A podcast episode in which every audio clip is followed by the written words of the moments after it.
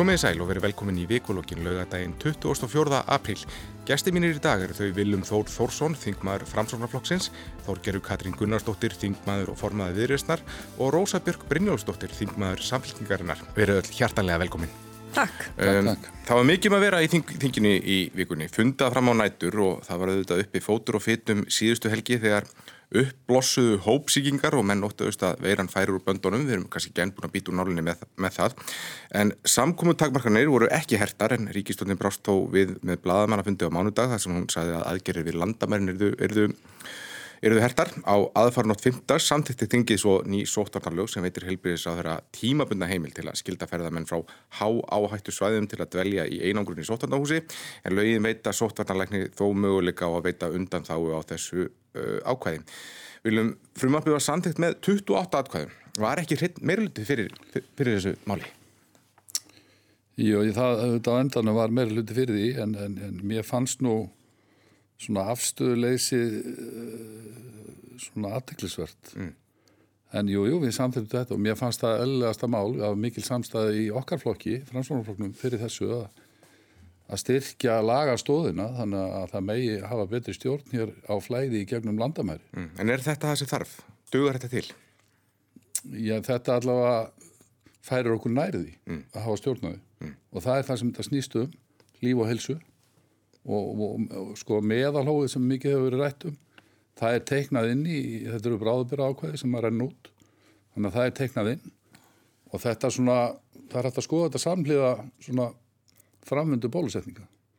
Þannig að ég hef nú bara viljað sjá okkur ná saman um þetta fyrr. Mm. Rósa Björk, því því samfélgíkunni hefur kallað eftir hertari aðgerðum við landamærin og voru meiri segja tilbúið með frumvarp á, á kantinum.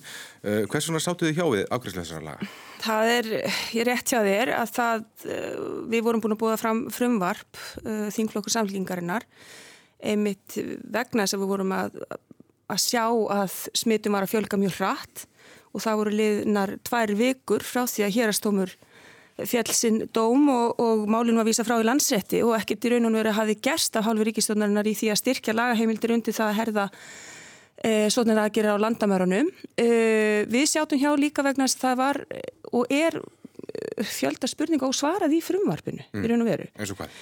E, þar má nefna til dæmis að hvernig ferð mann eigi að sína fram á með fullaðandi hætti að, að hann muni eða hún muni uppfylla allt skilir í sótkvejar og hjúsnaði á einn vegum e, fyrir ætlan íslenska stjórnald að endur skilgreina áhættumatið e, að, sem að alþjóðlega samstæðar ríkir um og mér fannst það og okkur fannst það svolítið e, umhugsunar efni mm. að við séum að búa til okkar eigi kerfi í áhættumati e, síðan fannst mér líka nokkuð aðteglisvert eins og viljum mér að tala um afstöðuleysi stjórnar þingmann og mér að segja ráþherra sem að mættu genið í atkvæðagreisluna utanrikisráð þeirra og, og ferðamálar á þeirra en að samaskapi fagnaði því við sáum þetta að, að það voru allavega þrýr þingmenn sem að tjáða þessu ofnbærlega í framsvonarflokknum sem vildu fá styrkari lagastóður undir, undir það að herða aðgerðir e, á landamærunum mm. en það er áhugavert ja. að tveir á þeirra ríkistjórn telli sig knún til að vera fjárverandi í atkvæðgreðslu og alltingi í Íslandinga í svona mikilvægu máli sem snýst um heilsu almennings og það er öllum ljóst að þó maður get ekki tala fyrir alla en það er allavega voru mjög háarrættir hjá almenningi og fólki í landinu um að það þyrti að styrkja aðgerðir, sótanar aðgerðir á landamærunum. Og það var svolítið merkilegt á sunnudagin fyrir viku að þá kom fjármálar að formaði sjálfstæðarslónsir fram í Sprengisandi og talaði um það bara bliðunarlaust að það væri vatnarskil í, í hérna e, þegar kæmi að veirunni og hér væri alltaf horfa til betri vegar þegar í raun og veru allt var að krauma og matla og rjúka upp hérna í samfélaginu. Mm. Þorgerur, þið í viðreist sáttu líka hjá, kursu ekki gegn þó? Nei, við kursum alls ekki gegn og, og ég hefði haldið einmitt að, og svona megin svona stóra myndin og við erum ekki ósátt við hana, við höfum lagt okkur fram einmitt við að styðja við sóttvarnaraðgerðir stjórnvalda, svona stóra myndin. Auðvitað er það þannig að, að, að það hafa orðið einhverju misbristir eins og varandi reglugjörna sem að fór út yfir meðalhóf og þá bara er það lagað en vel að merkja ríkistjórnun hafi 16 daga mm. til þess að, að lagfara þetta. Hún hafi ekkert samráð við stjórnaranstöðun og ég held einmitt þetta er svona dæmigert mál sem að, því við erum öll sammálum það að það þurft að að svona skerpa á landamærunum. Það þurfti að, að abla lagastóðar til þess að það væri hægt að fara í það sem að uh, sótvarnarleiknir er, er að kalla eftir en, en það var ekki gert og mér fannst einmitt eftirtæktavert og það kannski þess vegna meðal annars að því að óskýrleiki lagana og þessi asi við höfum bara óskað eftir kannski sólarhingi viðbútt til þess að skerpa ákveðinu hlutum. Meðal annars því að, að, að taka, koma til móts við þær aðtjóðasendi sem umbósmaður batna hafi og pírata lögði fram meðal annars tillögu í þáu batna. Hún var feld á stjórnaflokkunum, ég fannst það algjörlega óskýrjanlegt. Um, en síðan hitt að, að á, á þessum merkilega bladamannafundi að því ég Svona í stóra myndin er svo í mínum huga og ég ætla bara að rósa að þvíleitinu til ríkistjóðunum. Ég finnst margt hafa tekist mjög vel. Uh, en þessi bladamannafundur núna í vikunni, ég held að hann hafi verið svo meðsefnaðisti. Mm. Því eftir á þá sjáum við meðal annars fósatisráð þegar þurft að taka þessu auka krók til þess að útskýra í rauninni hvað, hvað uh, hún hafi átt við. Mm -hmm. uh, fjármálaráð þeirra og þau sögðu öll að uh, þeir sem að væru með, hérna þau lönd sem að væru með hvað 750.000 smitt, þau ætti að fara í sótvarnarhús en gæti óskað undan þá. Það breyttist síðan, bara á, á sólarning breyttist það í meðfönum bæði löggevalds og, og frangvatavalds. Það sem ég er að segja er í þessu er upplýsingar og óreiðan hún er óheppileg og hún er vond upp á það að fólk skilji hvert við erum að fara, upp á samstöðuna og við í viðreist við höfum nálgast þetta þannig að því það er búið að vera fullt af færum til þess að skjóta á ríkistjóðuna mm. en við höfum ákveðið að gera það ekki í ljósi samstöðunar og, og þess að við þurfum að hafa úttald í þennan loka sprett sem eftir er. Þannig að stórumyndinu svo við höfum geta gert þetta betur, kom til móts við, við, við, við mjög ríksjónamið, meðal meðalhófs, skýrleika og svo framvegis en, en við telum enga síður þetta að vera skinsamt skref í stórumyndinni og við þurfum bara að halda áfram. Þannig viljum við nálgast þetta. Já, var, mér voru að byrjast þau bóða það vant að við sluta kynningunni upp að þetta eh, þáttar. Þeir eru að hlusta á Rósu uh, Vikulokkin og gesti mín eru Rósa Björk Brynjósdóttir, Þórkjörg Katrín Gunnarsdóttir og Viljum Þór Þórsson. Allar okkar samræður. Ég vendur taka okkur eða? Nei, alls ekki. Það, það er, er, er óþarrið.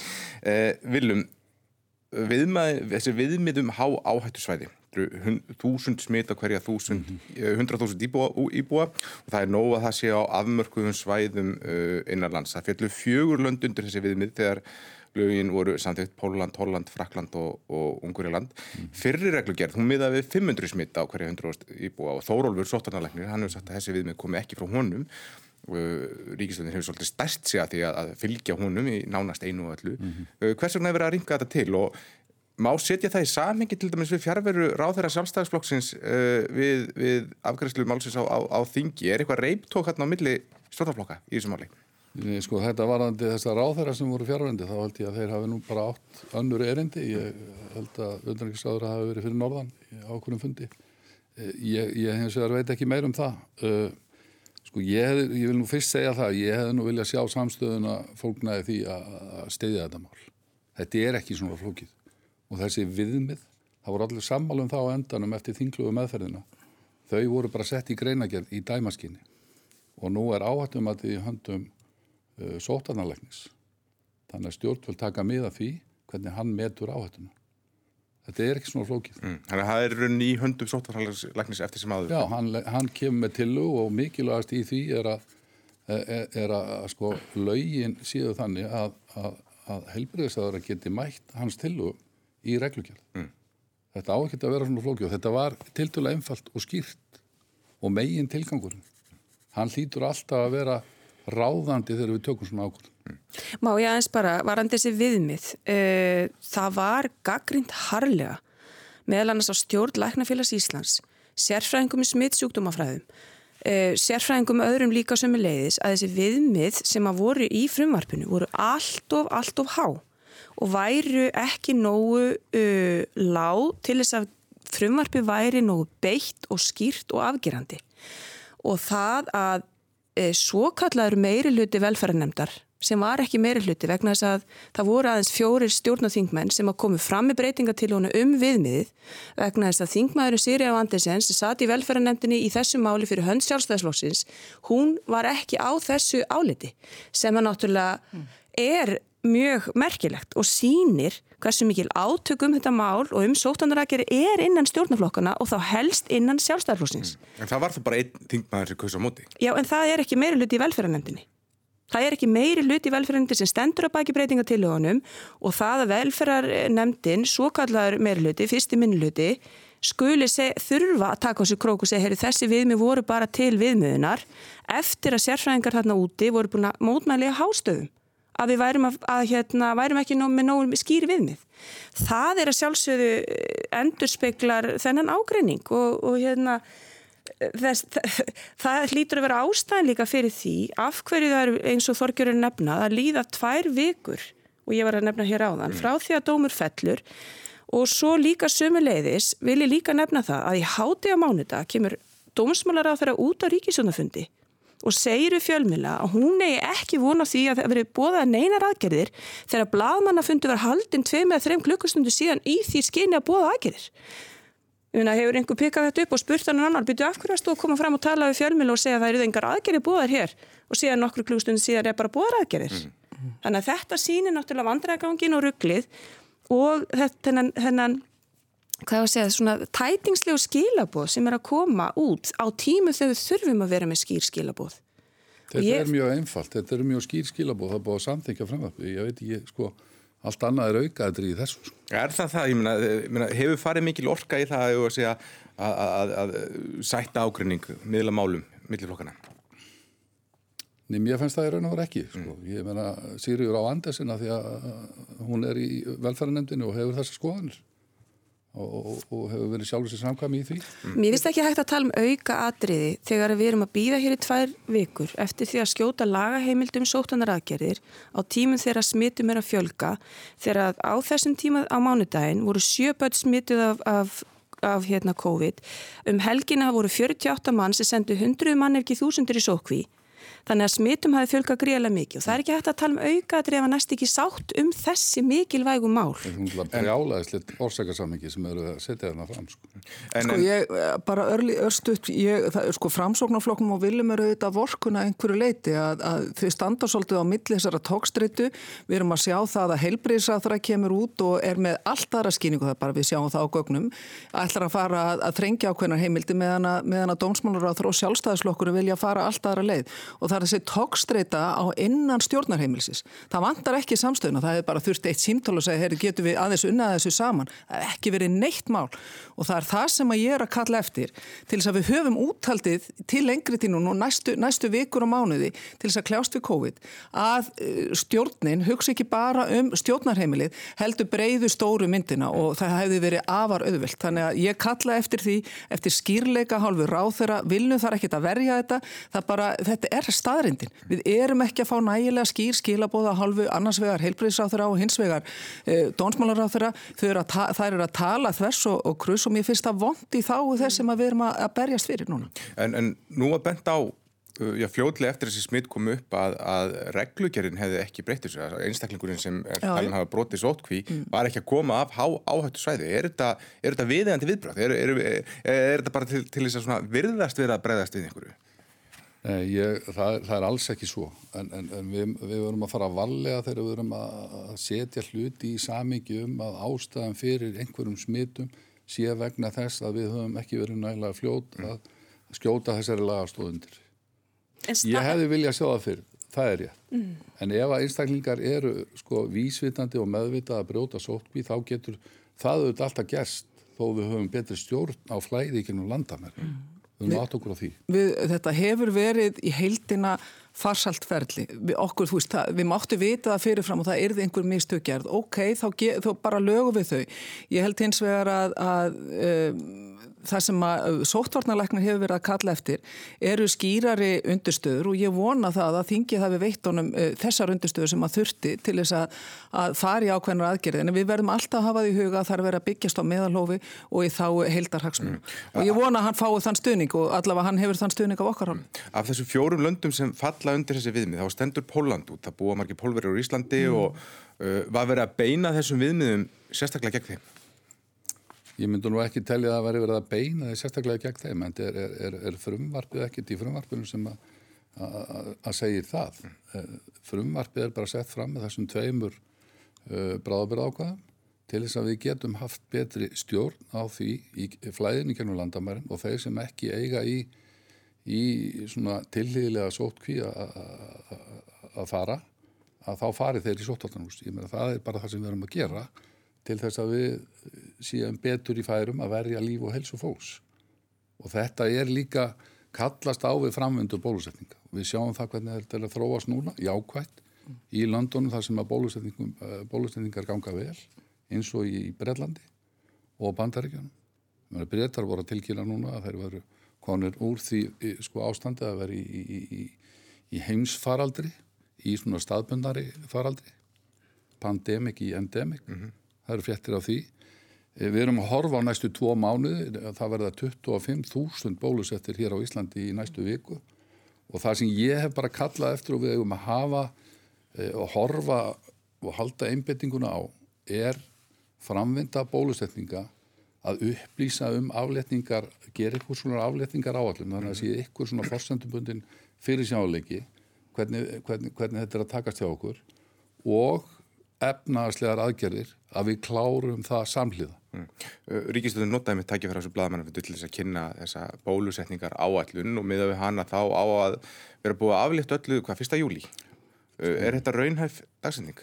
Mér sýnist það eh, eins og þetta er að þróast núna og með þess að auka skamta sem er að koma til landsins.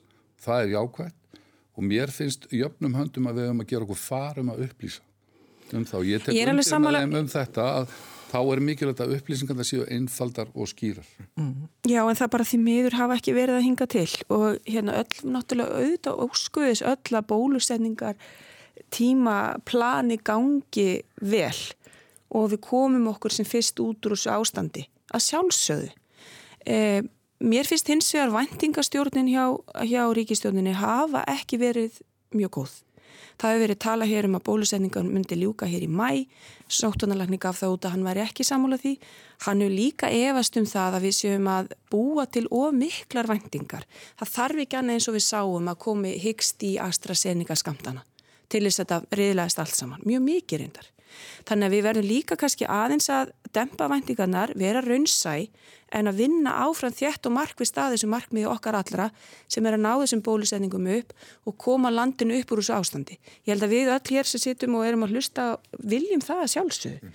En ég, mér langar bara til að segja sko eh, að því við erum líka að tala og við erum öll sammálum það að skilapunum verða að vera skýr og væntingarnar verða líka að vera raunhæfar og við meðum ekki hérna gleym okkur í, í sko prókjörum og forvali og kostningum á næsta leti sko, mm. til þess að búa til ykkur alltaf mikla vendingar í þeim, í þeim tilgangi heldur fyrir haga almennings.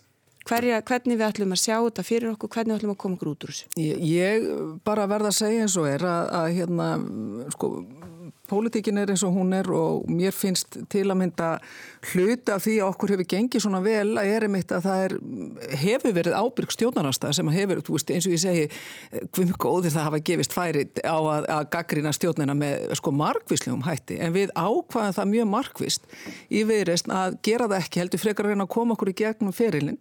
Og ég verð að segja, svona stóra myndin í dag er að ég er bara tiltulla bjart sín, ég er bjart sín meðal annars vegna bóluhefla áallununar og, og ég ætla bara að treysta því sem að ríkistöldin er, er að setja, setja fram.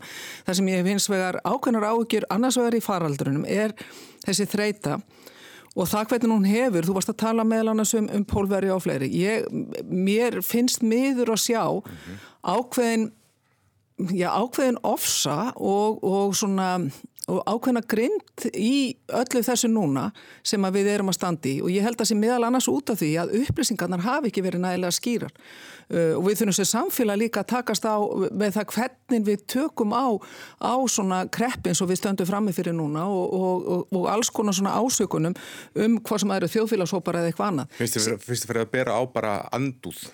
Gegn bara... Já, sko, ef við spyrtum ekki við, Já. þá getur fjandin orðið laus og ég bara, þannig samfélag meigu við ekki byggja upp og þess vegna er sko líkilatriði einmitt að sína samstöðuna ítundur upplýsingar, draga fram hvað er verið að gera, bæði mistök og það sem verið er að gera vel og þetta má ekki snúast um það hvernig ríkistjóknin kemur út síðan í kostningum undan COVID. Það sem þetta verður að snúast um hvernig við sem samfélag höldum áfram og síðan er hitt sem að, því við komum, þú veist, við erum eiga, við erum 360 manns, fjandakotnið við getum ekki verið að hafa tök á, á, öll, á veirunni og, og öllu því sem henni fylgir. Hitt er síðan hvað kostningarnar uh, hafa upp á að bjóða og það er stóra myndi fram á við, veist, COVID mun, við munum komast út úr COVID-nu sko.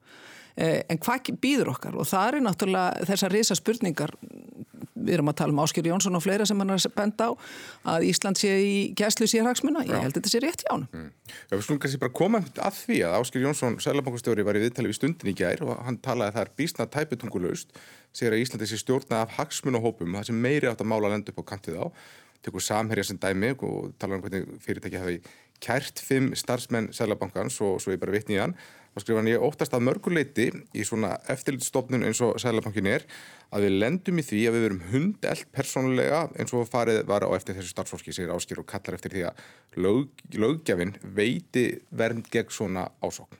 Viljum? Já, ég, ég vil nú fyrst segja að mér finnst Áskir hafa komið virkilega sterkur inn í þetta ennbætti mm. Sem Sælabankstjóri og staðið sér vel og ég virði það líka að hann stýði fram til varnar sínu fólki. Þa, það er nú kannski fyrsta sem ég les út úr þessu og mér finnst það sko gefa til kynna hversu sterkur hann er sem, sem uh, stjórin í þess, þessari mikilvægu stofnun. Síðan er hitt með þessar svona heimildir sem að stofnun hefur. Þá þarf að fara rosalega vel með þar og við þurfum að skoða þetta, ég hlustaði á fórsættisræður að breyðast við þessu. Ég var sammálu honum uh, henni Katrínu með það að það þarf að skoða þetta í ykkur skonar samhengi við heimildir sem stofnarnir hafa almennt. Og á móti vegur sko já, möguleikar þeirra sem, a, sem að verða fyrir sektum eða öðru að verja sig þetta er svona ykkur, ykkur skonar jafnveg og, og ég held að þessi sko, umræða um þetta þurfi bara að fara fram. En, en tekur það ekki undir því að þetta sé bara fjársterkir aðela klíkur sem bara eh, skáka í skjólu þess að eftirlitstofnunum eru ekki sterkar, sterkar og, og geta þetta bara hundelt starfsfólk stopnana persónulega? Já, það er nefnilega, þetta er nefnilega þannig að, að, að sko, þannig erum við með starfsmenn sem eru á grundveldi laga að fara fram í krafti stopnunar mm -hmm. og heimilda sem þeir hafa og þurfa að hafa. Það er óumdilt. En ég er ekki tilbúin til að fullir það hér að nú að, að einhver aðili í einhverju tilviki í þessu samræðmáli gangi of langt. Ég er ekki tilbúin að fullir það. Mm. Þorkjörður? Já, ég skil áskir mjög vel og ég tek undir með, með vilum. Ég held að sé mikið lán fyrir okkur að í þessari kreppu að við höfum selabankastjóra sem hefur bæði þekkingu og, og svona heldarhagsmunni í huga, mist hann hafa verið farsælt þó að þessi hægt að, að, að raugraðin það, við getum farið út í krónuna og fleira gældirisöft en, en stóra myndin er svo er að, er að mér finnst hann vera standa sína plikt mjög, mjög vel. Ég eh, til afar mikilvægt að eftirlitstofnanir að það njóti sjálfstæðis, að það njóti stuðnings og það er náttúrulega misjant hvernig stuðnings það er að njóta, njóta. Við erum að sjá til að mynda samkeppniseftilitið og ég er ekki að segja að það sé allt endilega fullkomið það en, en, en við, og það þarf að breyta ákvöndu þáttum eins og bara lagaverkinu þar en, en við hefum séð það að undafarin ár og jafnvel 5 til 10 ár, síðustu 10 ár, það hefur verið dreyið uh, úr fjárframlegu meðal annars til samkjöfniseftirlitis mm -hmm. og ég held að sé vond, ég held að sé vond í það á neytinda og þess að við höfum hér uh, heilbritt aðunlíf og við sjáum það að, þeir, að það er ákvarðinu sem að uh, samkjöfniseftirliti hefur sett fram hefur, hefur skipt mjög miklu máli fyrir neytendur.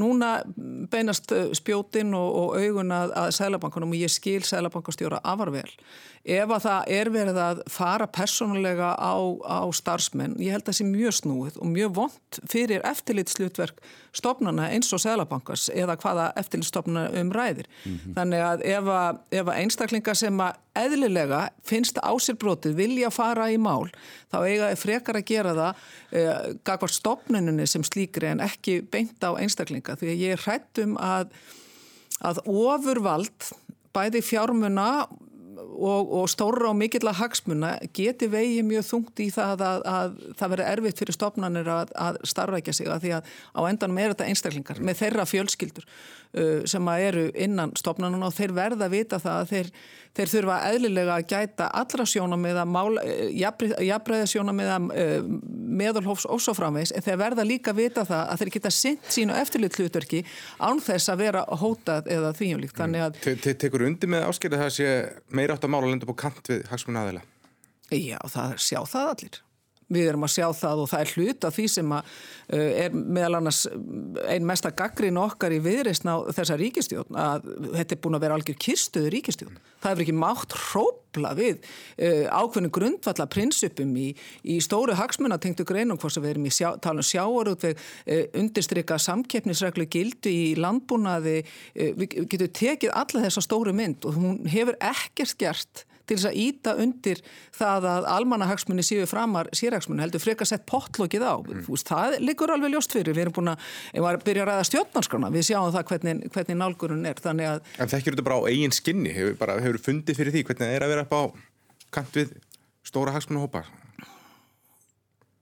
Já, það, það mikilvægasta í pólitík er að vera frjáls og þú verður að vera frjáls annars getur ekki sint þínu hlutverki auðvitað verða held ég allir stjórnmálmenn fyrir því að það er verið að hafa samband við hvaða hagsmunahópa sem það eru.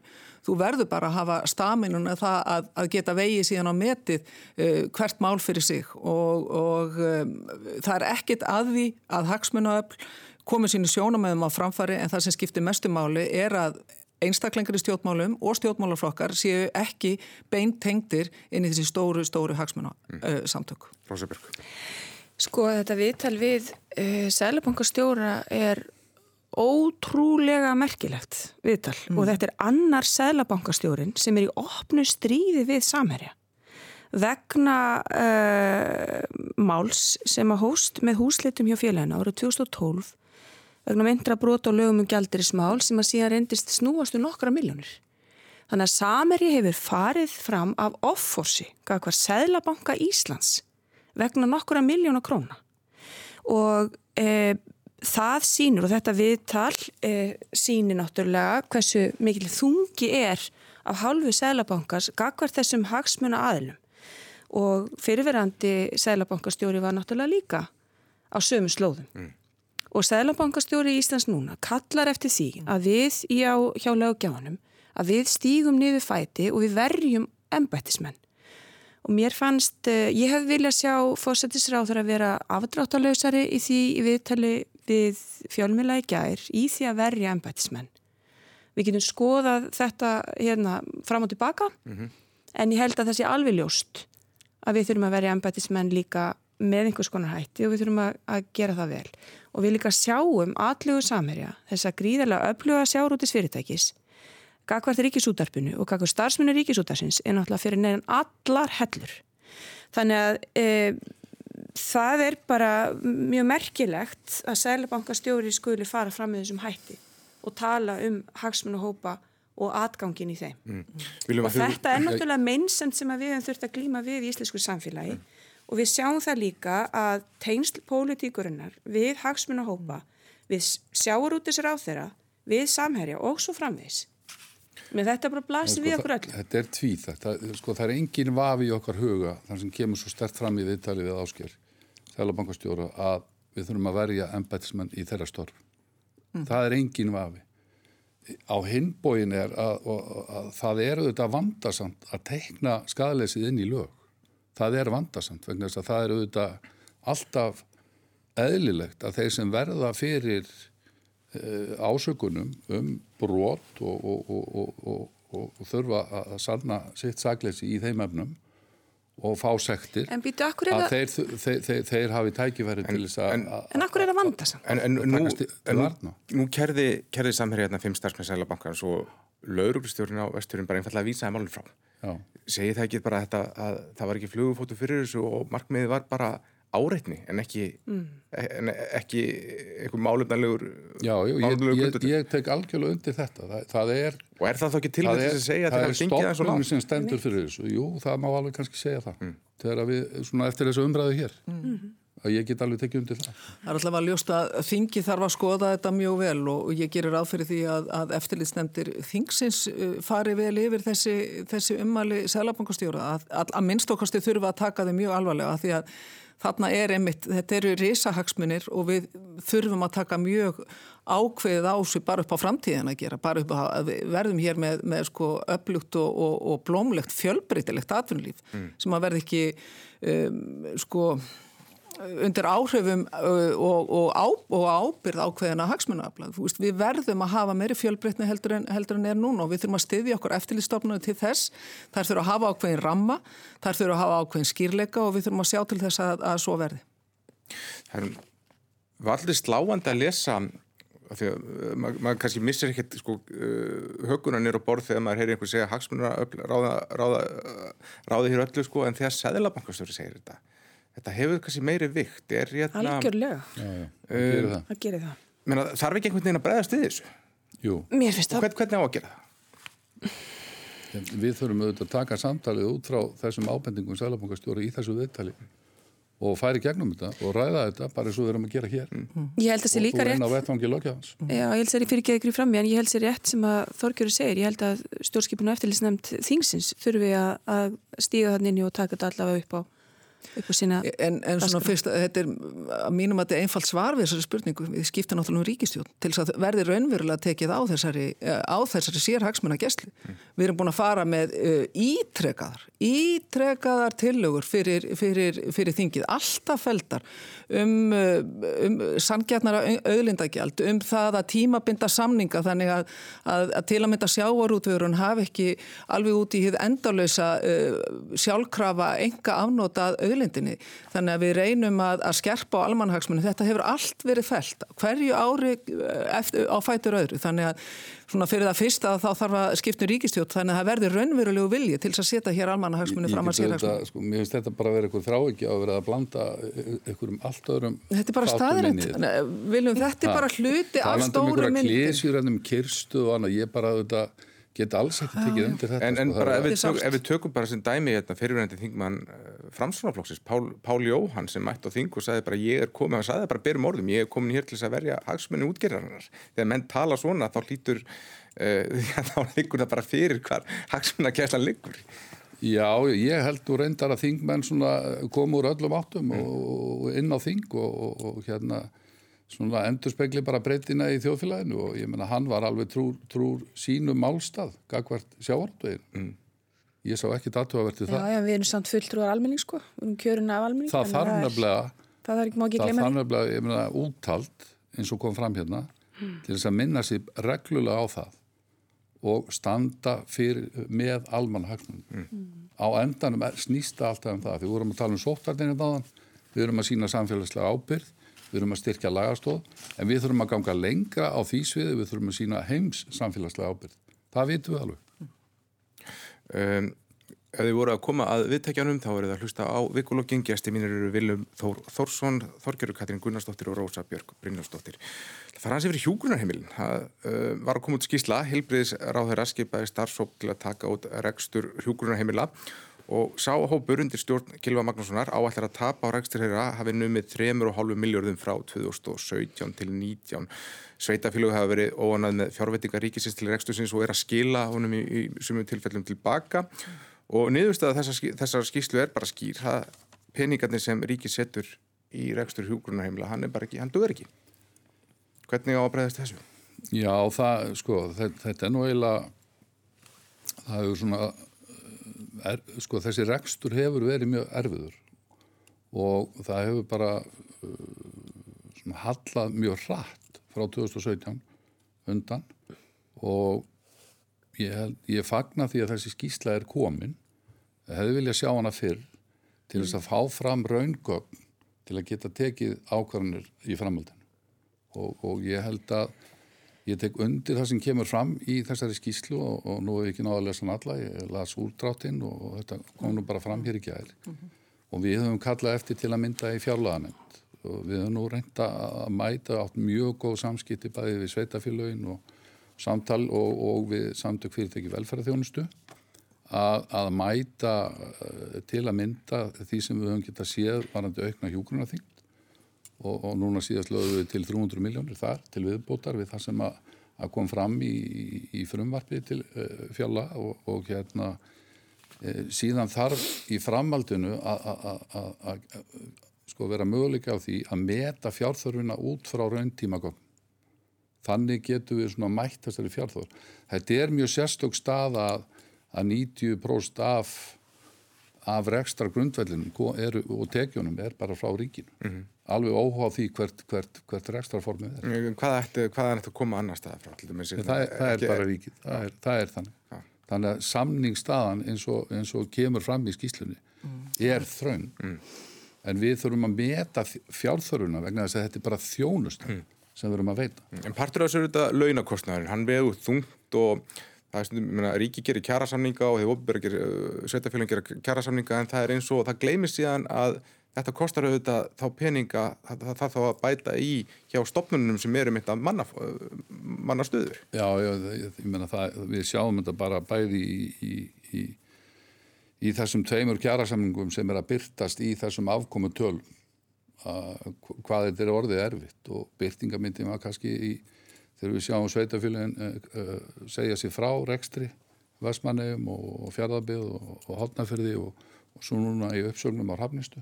Þannig að við þurfum að bregðast við og nú höfum við þessa skýslu, við höfum rauntímagögnin og, og það, það var, við vorum byrjuð að kalla eftir álíka skýslu 2018 og menn koma sér saman um það í, í áslokk 2019 við hefðum þurft að fá hana fyrr, helst fyrir, fyrir það áður við kláruðum fjallög fyrir 21 en nú erum komin og, og, og á grundvelli þessar skýslu verður að taka eitthvað skref, það er ljóst. Sko, öldrunarþjónustan er á ábyrð ríkisins. Þetta er ekki sko vandamál sem er eitthvað nýtt á nálunni. Þetta eru bæjarstjórar búin að vara við sko árum saman.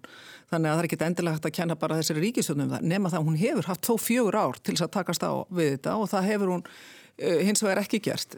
Það er ljóst að, að Sveitafélagin hafa komið til móts við þetta. Ég veit mér að, að Akururabær og, og, og rætti meðalans við Eirik Björn sem er hentar vel að merkja eh, nýr uh, oddviti viðreysnar á, á Norða-Austurlandi en hann var lengi bæjarstjóri bæði á Egilstöðum og Akureyri og uh, mér skilst það að ríkisvaldið á sínu tíma eins og núna hafi rauninni ítt vandanum undan sér, ekki, ekki ekki tekið á honum. Þetta er um það byrj 10 til 14% sem er vantilega að bæta í til þess að daggjöldin dugi. Eh, bæjarstjórnundar, sveitarstjórnundar að standa fram með fyrir hvað þeir eru að gera ekki setja þeir, reikningin á einstaklingarna, borgarna sem eru inn á hjúgránaheimilinu, þannig að þau eru að taka á sig stóran, stóran skell mm -hmm. og í staði fyrir að tapið á hjúgránaheimilinu hefði verið 3,5 miljardur, þá fyrir þetta niður í rúman 2 miljardar eða 2,5 miljard 1,5, já, 1,5, já þannig að, að sveitafélagin er að stíga mjög stórtakt inn í þetta en, en sjálfstætt reknu uh, hjúgrunaheimilin get ekki leitað í einhverju ofnbjörra vasa, þau verða að taka þetta á, á kassan. Uh, það þýðir þessa uppsagna, þetta er ekki einhver síndarmennska, þetta er bara blákaldur veruleiki.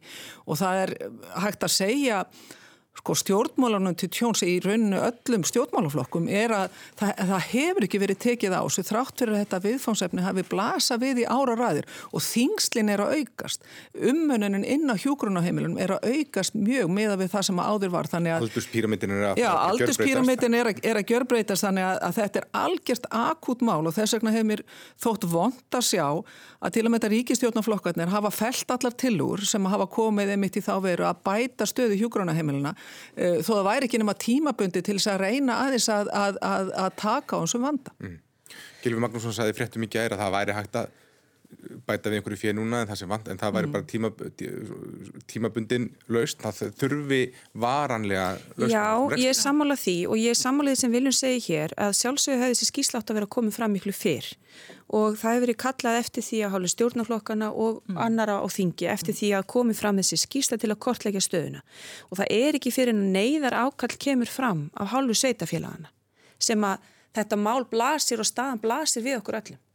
E, Sveitafjölinn greitu eins og búið að koma fram hérna 2 miljardar í rekstur hjúkuruna heimila daggjöld ríkisins dög ekki til fjögur sveitafjöl skila reksturinnum til ríkisins tilbaka mm. eftir að meira segja leita eftir því að bjóða reksturinn út vegna þess að það hefur engin áhuga á því að, að, að hérna, taka þessi rekstur hjúgrunheimila mm -hmm. e, það er hveðið ám það í stjórnarsáttmálunum um, um sagt, byggingu mm -hmm. hjúgrunheimila. En það er ekki nóg að byggja hjúgrunheimili. Það verður að taka ákvörðunum það hvers konar umgjörð við ætlum að hafa um þessa grunnþjónustu við eldra fólk. Hvernig við ætlum að, að hafa hana núna til næstu framtíðar svo áfram. Vegna þess að nákvæmlega eins og fram hefur komið hér, bara árunum frá 2017 til 19 þegar aldurspyramítin inn á hjúgrunheimilu breyst það mikið að þetta eru eldri, mm. eldra fólk með þingri umönnun sem kallar á fleira starfsfólk og flóknari aðhlýningu þannig að þetta er að vera þingur og þingra í vöfum en það þarf að taka ákverðin um það hvers konar umgjör við ætlum að búa til utanum hjúgrunheimilin og þessa grunnþjónustu sem að á að vera að færi ríkisins á að vera að færi hins ofnbera og sveitafjölaun eru að kikna undan því og ríki verður að koma að inn. Og ég vil líka nefna líka að mér fannst áhugavert að í gær þá kom líka fram yfirlýsing miðstjórnar ASI þar sem þau gaggrina harlega breytingar að rekstir hugunum að kunna fela í sér einhvers konar uh, kjaraskerðingu þeirra sem að starfa í mm. aðlinningu eldra fólks. Við þurfum líka að passa upp á þetta. En, en, en ábyrg ríkisins er ljós. Er, er þá svarið bara að um leið og kostnaði vex og vex að þá bara skrúið meira frá kannanum? Bara... Sko það er bara sum grunn þjónusta sem er á hendum og forræði ríkisins. Mm. Og það er bara þannig. Það er velferðarkerfið, það er heilbyrðiskerfið það er mentakerfið. Og það er þessi grunn þjónusta við eldra fólk. Og við tölum ekkert um að, að það sé að skrúa frá krananum ef það vantar fleira, meira fjö í það að hugsa um okkar eldstu borgar sem þurfa á allingu að halda. Það er okkar skilda. Þetta er auðvitað vandasamt og flóki. Ég get bara bent á að, að þetta málumnarsvið, hjúgrunnar heimilin, mm. málumnarsvið 2050, það, það er sko 2017 38 miljardar. Það er búið að bæta verulega miklu við. Það er búið að reyna að mæta launahækkunum og velasækkunum. Og 21 er það komið í, í, í 51 miljard. Þetta er þriðjumsækkun. Samt sér, les maður það í þessari skýslu af sko kostnaður við hjúgrunarvörur og lif eru umfram velar. Þetta, þetta eru þetta það sem við, bara hinn ískalda staðræn sem við erum að kljástu. Eh, bara þessu stutta tíma þá er meðalaldurinn hækkað á hjúgrunarvörunum. Mm. Þetta er að breyta svo hratt og, og, og, og 80 ára og eldri eh, fjöldin mun tvöfaldast til 2040. Þannig að þetta er auðvitað þjónusta sem er afar mikilvæg. Þetta er vandasamt og flókið. Er, það er verið í, í fjármálarlandinu að, að, að meta núna áhrif kjærasamningana og við þurfum bara að taka mjög sko margir skref ekki... á grundvelli raun upplýsinga meta fjárþörfina mm og mæta þjónustunni. En viljum akkur ekki búið að stíga inn í þetta fyrr? Akkur er ekki búið að fara inn í þessa vinnu? Ég, ég man eftir því að að lesa í skýslu frá Ríkisendur sko, sem kom 2010 eftir fylgningsskýslu 2013 og þá er þessi þróun byrjuð að mm. sko, koma fram. En, en síðan nást heildarsamningar 2016 uh, síðan, síðan hérna fáu þetta COVID og það er svolítið að brengla þessa stöðu eins og kemur fram í skýslunni að að það er raunhafast að meta hennan tíma frá 17 til 19 sem er viðfórsefni í skýslunni vegna þess að 2020 verður svolítið bjagað. Þannig að það, það er að mörga heggi nú þurfum við bara að leggja stiður þessa skýslu og, og, og, og framúr er kannski líkilatrið þetta að hafa alltaf rauntímagögnin klár til að við getum metið fjárþöruna sko, það, er, það er alveg ljóst að sá hópu sem að leitur hennar hjókrónaheimilin e, eh, þetta er búið að vera skattgreindur í 20 ára það er ákveðin skuld sem við eigum að gjalda gagvar þessum, þessum hópi.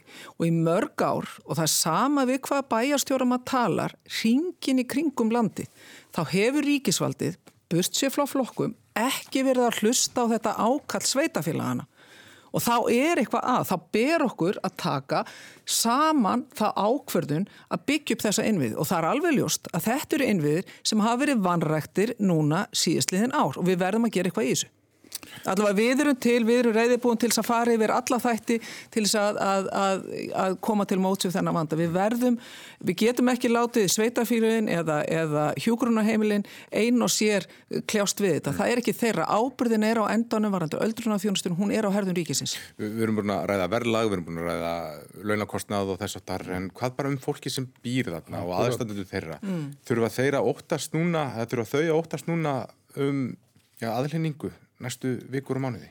Að hún, henni munni, hún verði lagari, jáfnvel ekki jafn góð og þurfa á að halda? Ég ætla bara að segja nei, ekki að við fáum einhverju ráði sem við ráðum. Mm. Þannig að ég segi bara nei, það má aldrei verða þannig og þá er enginn að hafa ágjur af því. Mm. Þetta er, við erum skuldbundin til þess að veita þessa þjónustu. Mm. En ég held að við þurfum að, einmitt eins og það eh, kemur fram hér sko og Þorkir eru að fara yfir, sko við erum með heilbyrðistefnu. Þar kemur fram að við þurfum að horfa inn í framtíðina með svona heilstæðari, fjölbreyttari þjónustu þarfir hjá eldriborgur. Það eru orðnar miklu fjölbreyttari. Mjög margir blessunarlega lifa heilbreyðara lífi og, og, og, og eru hressari mm. lengur. Mm. Þannig að þetta hefur þróast í það að kannski hjúgrunheimilin er að taka við fólki þegar það er eldra og er orðið veikara fyrir. Þannig að hjúgrunarþingdin hefur aukist mjög hratt mm. og þar er kostnaðurinn. Já, já. En við þurfum að, við þurfum að veita miklu fjölbreyttari þjónust. Já, ég tek heilsugur undir með, með Viljum og það sem hann er í raunin að segja og við sem að þurfum bara líka prívatsvoldið að, að fást við kerfið bara út frá alls konar þjónustu sem að þarf að veita, kannski fjölskyldumöðlumum og fleira, að við erum að kalla einmitt eftir því, líka hjá eldriborgunum eða fölluðum, að það kerfið verði sveigjanlegra, að, að því að sko þörfin er svo allt önnur í dag heldur en hún var hér á árum áður við erum búin að breytast e, svona statistikkin og innviðnir e, sagt, e, hérna fallanir eins og ég segi og fleira þannig að, að við þurfum að Ég hef líkt í við að kerfið þurfa að vera svolítið eins og, og barbapappi og barbamamma. Það þarf að vera sveigilegt og það þarf að gera það bæði kakvart fölluðum en ekki síst eldriborgunum sem að blessunarlega er orðið mjög fjölbreyttur hópur mm. uh, ekki síst út frá, frá aukinni líðhelsu hjá, hjá, í samfélaginu. Mér finnst sko að landsamband eldriborgar að orða þetta svolítið skemmtilega. Þeir, þeir tala um helsugjastluna sem verður að sko svona blessunarlega horfa til í, í bara þjónustu við alla íbúa. Mm -hmm. En þeir kalla það að við þurfum að fara að horfa helsugjastluna sem svona vöggu þjónustu mm við eldriborgara. Mm -hmm og, og, og, og ég held að það sé svolítið það sem við þurfum að horfa til með teimisvinnu, eh, með upplýsingagjöf, með stuðningi í gegnum helsukjastluna stýraði þar í gegn eins og við alla aðra mm. og hérna, mér finnst þeir bara að orða þetta mjög vel, ná, ná, ná mjög vel utanum þetta og við eigum að, að horfa til þess. Mm. Við viljum fara aðeins yfir í léttara hjálp, fátt raskaði þó ró miljónamanns um allan heim í vikunni en tíðindi af áforum á því að stopna evróska ofurdild í knaspinu 12 stór, stórlið ætluð að opna lokaða dild, 15 liðaða og svo og setja eina þeim gríðar háu fjárhæðum sem eittir fyrir sjómasrétti og þess að Það er ótt að segja að þetta hafi gert allt vittlaust, áforming kóðnuðu niður á örfóndugum og urðu að engu, eigandi Liverpool sem var í fylkingabrjósti fyrir, fyrir þessari, þessum áformum, hann bauðst auðmuglega afsökunar. Uh, Þorgir, þú ert, ert púlarist, aftur fyrir máliðinu. Liverpool er mitt að keppa núna móti Newcastle. Já. Já, þú veist, þetta er náttúrulega, þetta var uh, vond hugmynd, þetta var eiginlega bara alveg glötuð hugmynd og engu takti sko við raunveruleikanum. Ég fannst þetta Mér fannst þetta að vera eiginlega svona draga fram hversu, uh, veist, eigendur allra félagana eru ekki alveg í þessum takti við, við áhangundur og, og, og stuðnismenn uh, og jafnvel leikmenn og ekki síst þjálfara. Jörgur Klopp taland um hann, hann var gallharður á mótu þessu uh, og let vel heyra í sér. Þannig að, að það að hætta við uh, ofurdeildina, það sýnir það að það er þá verið að haldi í sálina það er verið að haldi í hjartað og það er það sem að skipta í máli, sko, fókbólten er magna fyrirbæri mm -hmm. og, og ótrúlega mikil menning í tengslu við fókbóltan og uh, mér fannst þetta að vera atlaga að þeirri mikilvægu frjósum við menningu og því betur fyrir tókstun ekki, þannig að sálin er þarna eftir og, og hérna, og mér finnst það að skipta máli mm, Rosa Sko þú ert hérna með þrjá þingmenn, Suðvestu kjörðanis, sem að allir er á farsalan feril í íþróttum að baki og eru bullur. Hérna, e, þannig að ert, þetta er bara kveikir í okkur. Sko það er ekkert nýtt að sé gríðarlegar e, fjárhæðir í fótbolltanum og það gerist í raun og veru þegar sjónvarsrætturinn var gefin út hérna til skæ á sínum tíma og svo framvegis og þá rugu alla greiðslirinn í fótbolltanu upp en þetta fór út yfir öll mörg og það sem að fegurðin var í raun og veru fannst mér vera mm. var þessi anstæðinga áhangenda félagana í sérstaklega í Breitlandi og félagana sem byggja á svona rótgrónum verkamannastjættin þar sem að skoðið hafa verið algjört hryggjast ekki í aðdóðanda og stuðnishópunum að þessi stuðnismenn rís upp á atfæðinu sem þau hingu ekki lengra. Nú er alveg búin að gleyma um hvað þetta snýst sko, sem er einmitt fegurinn við fókbóltan. Mm -hmm. hérna, og þessum tímum COVID þegar fólk í Breitlandi er búin að taka á sig gríðarlegar frelsis og, og hérna sýftingar og, og hefur ekki mótt mæta á völlin og svo framvegis. Þetta tók steinin út sko. En mér fannst líka virðingavert að í raun og veru að það var svo, þetta var svo ótrúlega illa gert. Þetta var bara bóðað minn ánast engum fyrirvara E, mér var svo virðingavert líka að félagunum sérstaklega í Breitland að hlusta á sína áhangandur og bregðast og segja, heyri, heyri þetta er alveg, við erum alveg hérna, mm. út og gú hérna. Mm.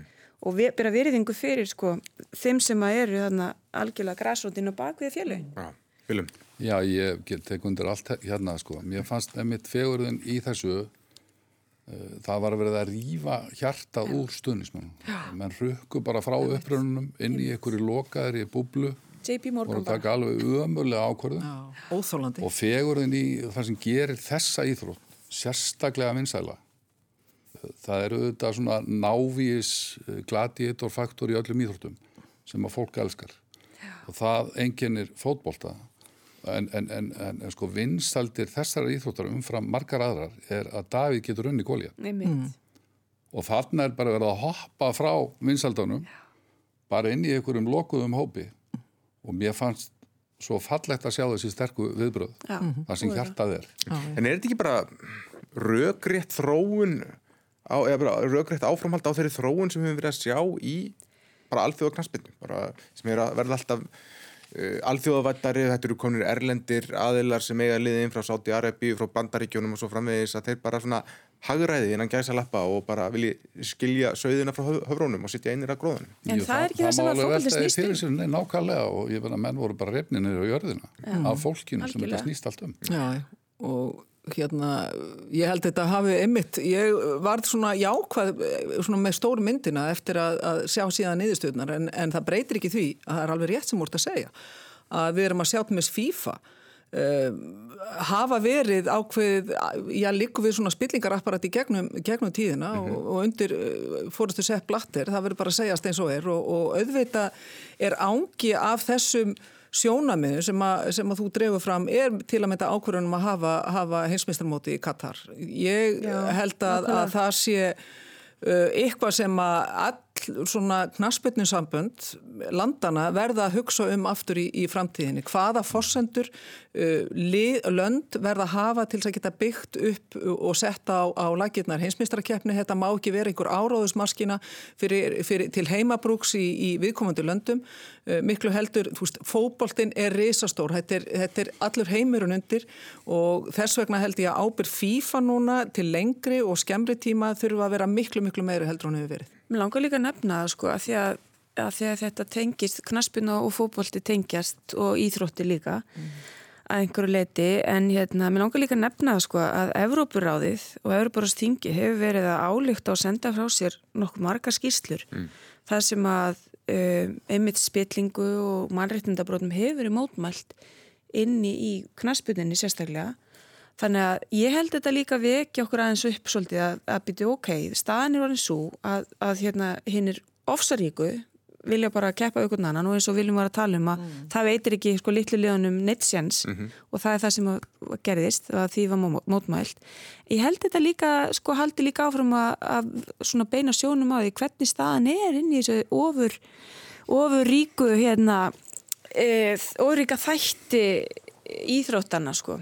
Það, það, það, bí, það verður alls konar til sem við viljum ekkert sjá inn í Íþróttunum. Þetta er hárgætt. Við höfum verið að sjá þessu, sjá þessu vondu þró já, sem já. kemur inn á mm. og Þorgir drögur fram hérna Katar. Mena, peningar, þetta minnir okkur á, peningar þeir leiða til vondra ákvarðanumtökum mm. og við sjáum þetta í þróun á mistaratildinu. Það er alltaf verið að íta minni liðunum mm. uh, frá og það fjarlægist þessi draumur um að til dæmis fyrir Íslands klið mm -hmm. að spila á núkamp mm -hmm. það gerðist nú bara reg eh, ekki reglulega á núkamp en að við fengjum stóri lið hér áður að fyrir en, en, en, en peningan þannig að hafa leitt til þess að menn eru svona íta þessu frá og ég held að þetta minna okkur á það að þetta er svona mín í útgáð af samfélagi mm -hmm. almanna hagsmunum, hvað jöfnuður og jöfn tækifæri skipta bara raunverulega miklu máli. Bara öllu máli. Svo líka maður, maður, maður að því okkur líka svo mikið á hjartum þetta Já. mál, sko. það hérna, var eins gott ég byrjaði ekki Já, á þessu máli. nei, nei, nei, það eru allir þáttunum verið undirlegaður en ég bara líka vil min- minna líka á sko baróttu bandarískra knaspinu kvenna fyrir hérna því að fá jöfn laun og, og karlkins hérna félagar þeirra Um, Þetta eru, eru geggjaða stelpur sem voru heimsmeistar að trekk í trekk og alveg frábærir íþróttamenn og það er að þurft að berjast fyrir því að vera á jöfnum stað þegar kemur að greislum til sín á með að við erum að sjá ofurgreislur inn í kralla knaspununa. Þannig að það er líka, það er alls konar fletir hann á því sem að einmitt kemur að sko jöfnum, jöfnum hérna tækifærum inn í knaspununni. Já. En þetta var aldrei kveðið í kútin á já, mjög skamri stundu. Það kom, kom eiginlega merkilega óvart sko, hversu skellurum var, var ræður. Já, blessunulega. Já, blessunulega segi ég nú bara, en, en, en, en ég held að það geti eitthvað gott komið út úr. Já, það held ég líka og ég held að aðhaldi verði meira eins og ég segi gagvart líka stóru alþjóðasamböndunum FIFA og Júfa og, og teku undir með, með viljum að, að þetta á endanum snýst þetta um það að þau hafi líka almannahagsmunni fram að sérhagsmunum í huga. Já. Það fyrir að koma að lokum hjá okkur í dag, svona rétt árum við hættum. Hvað, hvað ætlaði að gera um helgina? Bara njóta lífsins og sumarsins. Já. Það fer vel á stað. Já, já. Milt og gott veður.